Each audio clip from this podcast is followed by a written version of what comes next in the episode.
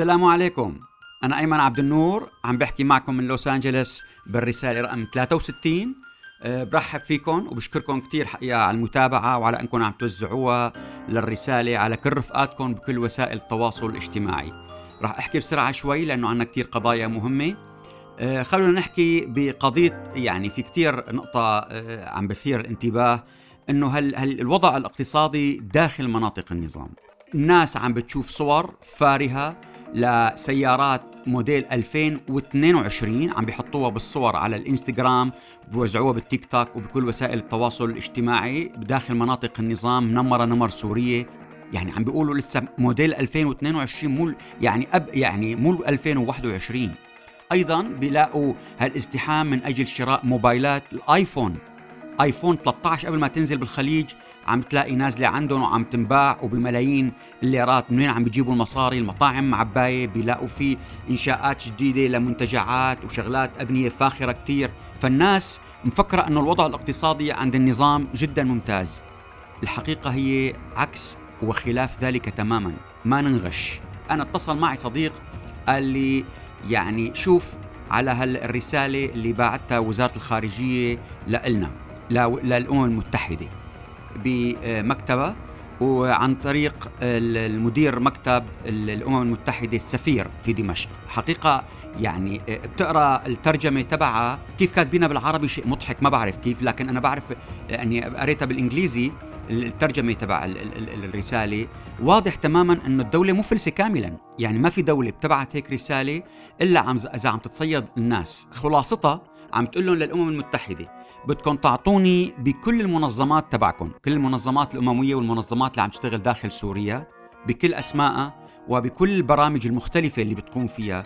كل شيء عاملته عقود آخر عشر سنين يعني من تاريخ الثورة من 2011 لحديت اليوم. بدها اسم كل واحد قبض مصاري من أي منظمة تحت أي برنامج. قديش المبلغ؟ وشو التاريخ؟ وشو عمل؟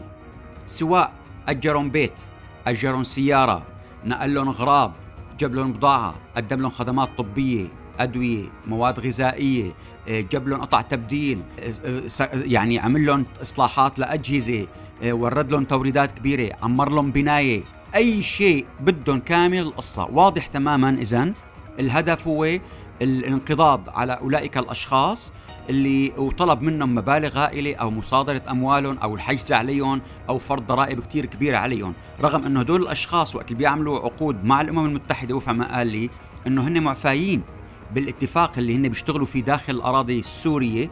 عندهم اتفاق مع حكومة النظام السوري انه ما بيدفعوا ضرائب أو طوابع عقد أو المتعاقدين معهم ما بيدفعوا ضرائب للمالية. فالآن إذا بدهم يفرضوا عليهم وياخذوا منهم هدول المصاري هن أصلا باصل العقد. هدوليك الأشخاص المتعاقدين ما حاطينها بحساباتهم في الأسعار اللي باعوها فيها للأمم المتحدة. اذا القصة كتير كبيرة واضح تماما في إفلاس عم بدوروا على أي مصدر رزق بس لحتى ياخذوا مصاري. اذا هذا ما حاله دوله صحية سليمة.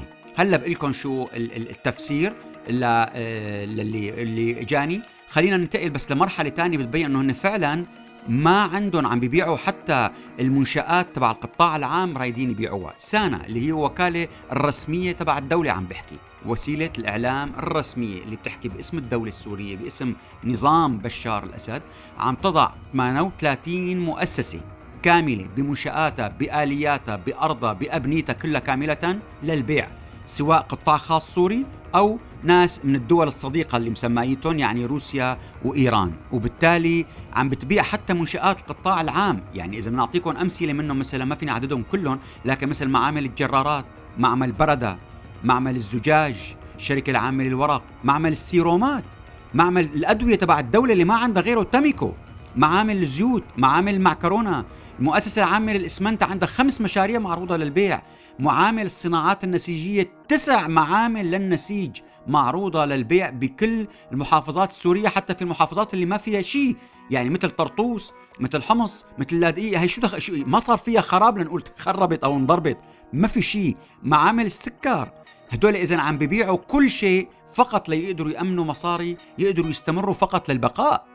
يعني هذا واضح إذا العمل. واللي فهمنا إنه عدد من رجال الأعمال الإيرانيين إجا وعم بيدرس تلك المعامل وجزء كبير منهم نازل بأوتيل شيراتون.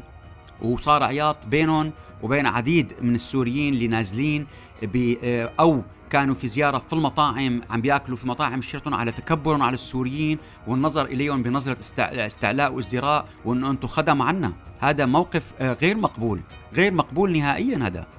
فإذا إضافة لذلك قامت آه، مجلس الوزراء تبع النظام برفع أسعار الأسمدة بشكل كبير. كل أنواع الأسمدة اللي بدك تسمد فيها كل المنتجات والأراضي الزراعية. وبالتالي هذا على شو بده ينعكس؟ مباشرة على كل أنواع الخضار والفواكه اللي بدها تطلع في كل المزارع والبيوت البلاستيكية. فالآن التوقعات أنه في الشتاء بدها تكون الأسعار مضاعفة. في ناس عم تحكي إنه سعر كيلو البطاطا بده يقفز لمبلغ كبير. الآن وصل لل 2500 رغم إنه ممنوع تصديره. البندورة بدها توصل ل 5000 ليرة سوري الكيلو. أصحاب البيوت البلاستيكية في جزء منهم بسبب ارتفاع التكاليف عم بيقول لك أنا بطلت حط بطلت أزرع بالبيت البلاستيكي وبالتالي رح ترتفع التكاليف وتخف المواد وجودها. فإنه هن كانوا مراهنين عم بيبيعوا ويصدروا كل يوم 100 شحن ترك معبى خضر وفواكه. بالشتاء ما راح يكون عندهم مواد يصدروها والناس ما راح تدفع ثمن الخضار والفواكه للأكل. للأسف الشديد هذا هو الواقع الحالي. أعطاني تبرير حقيقة مهم. الشخص اللي في نيويورك في الأمم المتحدة قال لي الواقع اللي الآن عم بتشوفوه أنتم من حرص النظام إنه يظهر هذه البهرجة في الإعلام والبزخ. وانه معبى مصاري بين إيدين الناس وسيارات أحدث الأنواع. هذا بذكر تماما وقت قبل الضربة الاقتصادية والانهيار الاقتصادي الكبير في أمريكا بال 2007 وبال 2008 كان في كثير من الشركات أو رجال الأعمال المتواضعين حقيقة بيلبسوا لبس كثير متواضع. الشركات ما بتعطي كثير مكافآت للعمال. بعد الأزمة وبعد ما انهيار الأسعار وكذا صارت الرجال الأعمال الكبار يحرصوا يلبسوا الساعات الغالية جدا اللي كل سعر ساعة أكثر 250 ألف دولار ويركبوا السيارات الغالية جدا جدا الحديثة. آه، أيضا عطوا مكافآت مالية للموظفين وكانوا حريصين إنه يشهروا ذلك بوسائل الإعلام الأمريكية إنه شوفوا قديش عطوا مكافآت. وبعد خلال بين أسبوع وشهر انهارت تلك المؤسسات وأفلست. وهدوليك رجال الأعمال أفلسوا. اذا هذه التبرير تبعها إنه في المرحلة قبل الانهيار الاقتصادي كان اللباس هو بيعبر عن تواضعهم.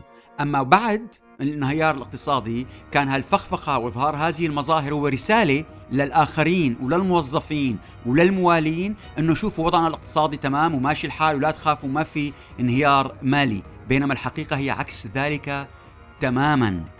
فحتى الآن اللي اللي فهمته في عدد من المراكز في واشنطن عم تشتغل نفس الشغل اللي اشتغلته بشهر آب وإيلول أغسطس وسبتمبر تبع 2015 وقت اللي كان جيش الإسلام على أبواب العاصمة دمشق وكان باقي له يمكن بحدود الأسبوعين لحتى يقدر يدخل ويحتل دمشق وبالتالي الولايات المتحدة اللي شجعت روسيا لتدخل لتحمي النظام من السقوط.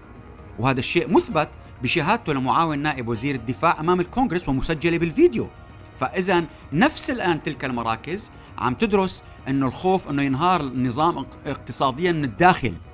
وبالتالي يصير في آه، انهيار مفاجئ اقتصادي. عم بيبحثوا الآن عن دولة ثالثة تدعم النظام اقتصاديا وتبقيه قائم.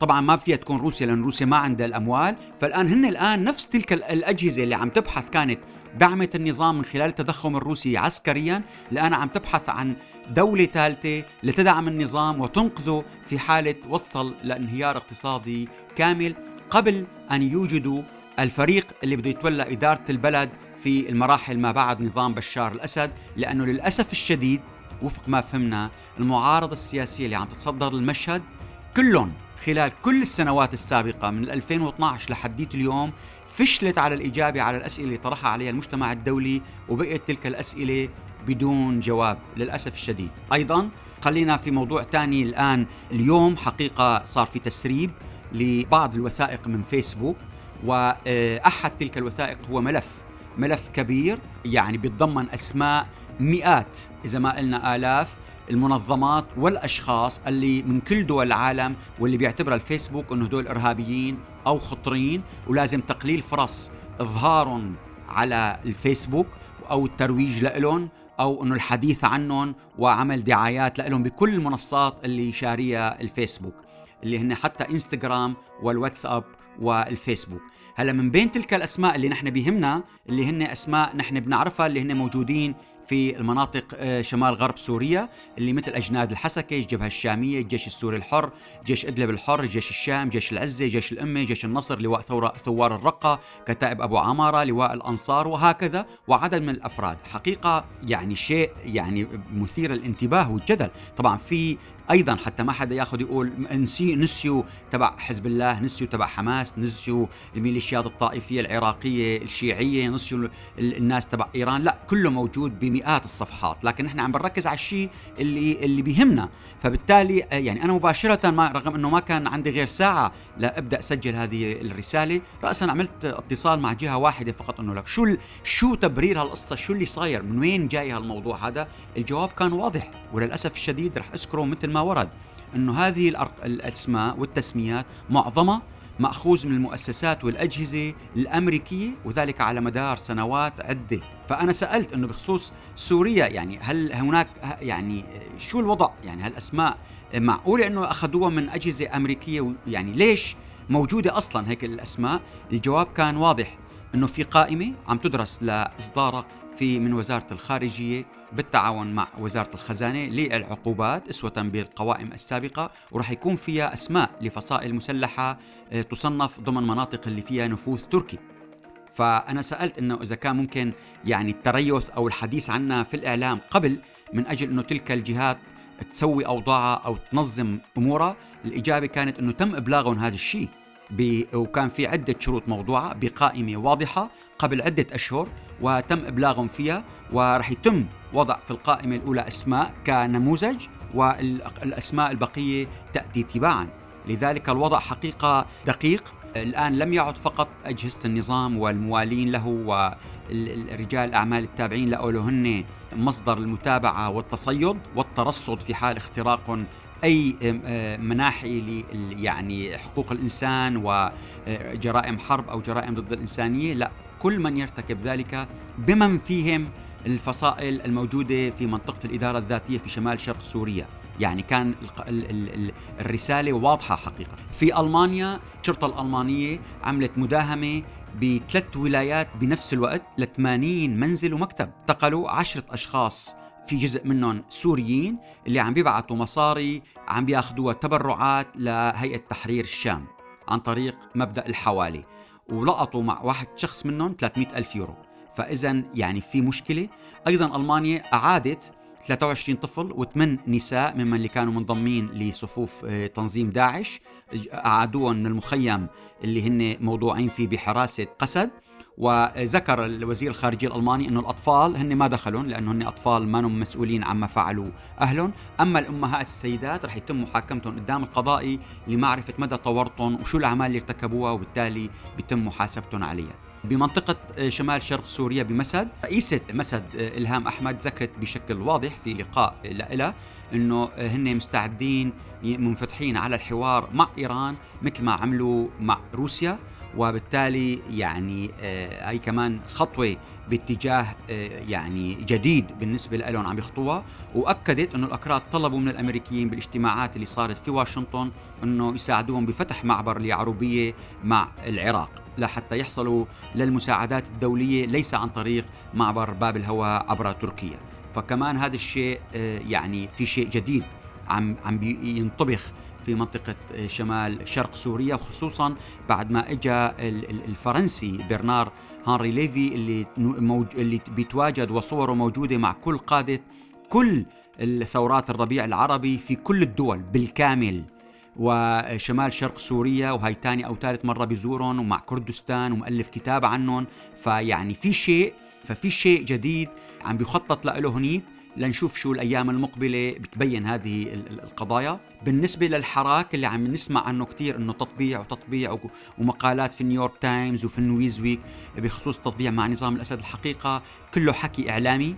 حكي آه، نتائجه على الأرض صغيرة كثير فقط لإبقاء النظام كما ذكرت قبل شوي حتى ما ينهار ما يفرط من الداخل من الداخل اقتصاديا. لذلك في حراك ضده حتى في الولايات المتحدة. يعني عضوي مجلس النواب عن الحزب الجمهوري آدم كينزنجر وعن الحزب الديمقراطي براندن بويل اللي هن رئيسين المشاركين لتجمع النواب المؤيدة للشعب السوري الحر. اللي بيبلغ عددهم أكثر من 50 عضو في مجلس النواب. حقيقة عملوا بيان واضح تماما ضد التطبيع وضد ما تقوم به الآن الأردن من قضية آه، آه، خط الغاز ونقل الخط الغاز والكهرباء إلى لبنان عبر الأراضي آه، في سوريا. فهذا كمان واضح. في 63 رابطة وهيئة مدنية سورية عملوا بيان واضح بخصوص التطبيع أنه هذا مرفوض تماما مع نظام الأسد. أيضا كان في حقيقة الشبكة السورية لحقوق الإنسان عملت لقاء وندوة جدا جدا مهمة. مع السيدة عزرا زيا مساعدته لوزير الخارجية يعني الشخص الثاني المسؤول عن الأمن المدني والديمقراطية في الخارجية الأمريكية والسفير فرانسوا سينيمو اللي هو الممثل الشخصي لرئيس فرنسا بشأن سوريا والسيد جوناثان هارغريفز كمان هو ممثل بريطانيا بالنسبة للملف السوري وكان الواضح يعني بدقة حكي الثلاثة تقريبا متطابق قالت السيدة عزرا زيا أنه لا يمكن الوصول إلى السلام الدائم بسوريا من دون محاسبة النظام السوري على الفظائع التي ارتكبها. وأضافت أن معاناة المعتقلين يجب أن تبقى في مقدمة جهود المجتمع الدولي. وطالبت بالاتجاه للحل السياسي بسرعة وأطلاق السراح الفوري لجميع المعتقلين وتقديم معلومات عن المختفين لأهاليهم وأيضا أن يسمح النظام لجهات مستقلة محايدة بالدخول من دون قيود إلى مراكز الاحتجاز لديه. بنقول لهم شكرا وخصوصا حقيقة للسيدة عزرة زيا اللي بتعرف دمشق لأنه خدمت فيها بالسفارة في بداية الألفينات, وبنتها ولدت هنيك بدمشق. فيعني شكرا لك على هذه المواقف اللي بنتامل أيضا إنه تقدر تعبر عنها في كل الخارجية الأمريكية وإنه ياخذوها بعين الاعتبار ويوصلوا لهالموقف القوي وخاصة تجاه أهلنا المعتقلين والمختفين والمسجونين. أيضا الولايات المتحدة كان الرئيس بايدن عمل تمديد لحالة الطوارئ بخصوص سوريا وحقيقة هذا أيضا موضوع أثار إشكالات لأنه بينطبق مع ما سمعناه من خصوص إصدار قائمة عقوبات على بعض الفصائل الموجودة في دائرة النفوذ التركي لأنه السيد آه، بايدن حقيقة بالبيان اللي عمله قال إنه الإجراءات نحن يعني الوضع في سوريا ولا سيما الإجراءات التي اتخذتها الحكومة التركية لشن هجوم عسكري على شمال شرق سوريا عم بيحكي عن الدخول السابق يعني قبل سنتين ثلاثة. فعم بيقول إنه هذا بيقوض حملة هزيمة داعش وبيعرض المدنيين للخطر. لذلك هو مدد حالة الطوارئ لمدة سنة. اذا في مشكلة حتى الآن بين الإدارة الأمريكية وخلينا نحكي بين بعض الشخصيات في الإدارة الأمريكية اللي عندهم حساسية جدا كبيرة مع الإدارة في تركيا. فيعني لنشوف الأمور ما تروح باتجاه تصعيد.